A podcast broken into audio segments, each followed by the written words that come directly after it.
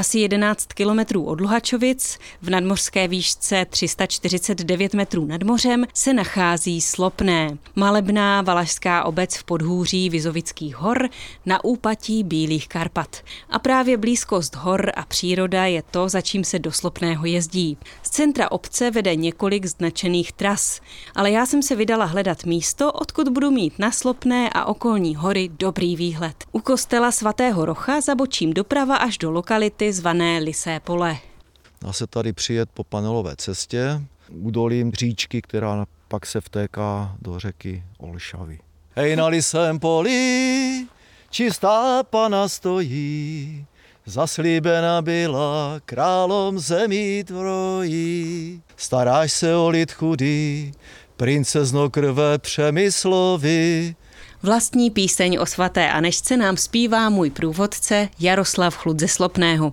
Když přicházíte k jeho pozemku na Lisém poli, spatříte mezi stromy ženskou postavu, sochu v životní velikosti. Tady jsem právě umístil tu sochu té Anešky Přemyslovny. Zasloužila se o ten český stát, že by měla mít více takových poutních míst, nehledě k tomu, že teda dvě Anešky mám doma. Tady u sochy si můžete zazvonit i na zvon ve tvaru květu.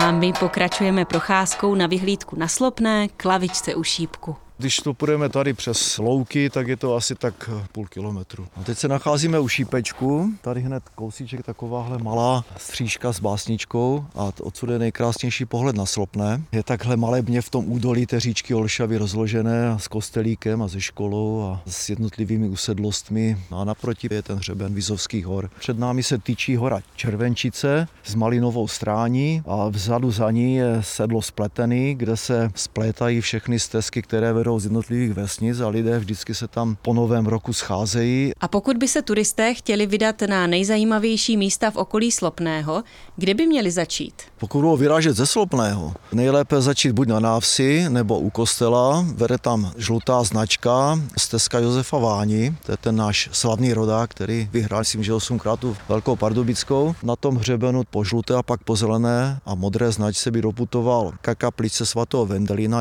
U té kapličky je poutní deníček. Zezadu z toho deníčku je taková mapka, kde jsou zakresleny ta místa záhadná v okolí do kilometru. Můžou pátrat po těchto zajímavých věcech. Jednou z nich je třeba hlídalka Olšinka, taková víla lesní, která hlídá jeden z pramenů, které napájí říčku Olšavu. Hlavně děti tam chodí rády, protože se jim ta Olšinka moc líbí. Z návsi od toho kostela je to tak 40 minut na hřeben, takovou svižnou chůzi. Z části je to po asfaltu a pak horou lesem vlastně už je to po lesních pěšinách. Co v těch horách turisté najdou? Krásu toho nevšedního zážitku, toho pohledu jednak do údolí, jednak na Bílé Karpaty, ale hlavně takové různé fragmenty sochy, které se vztahují k jistým pověstem nebo vyprávěnkám. Jaroslava Chluda, který mě okolím Slopného provázel, inspirovala příroda a kraj Vizovických hor k napsání knihy příběhů a pověstí Vyprávěnky pro Klárku. V té najdete stejné šifry a cestu k tajemným místům v okolí jako u svatého Vendelína. Po hledání tajemných míst v krajině pak můžete pokračovat po modré až k rozhledně Doubrava.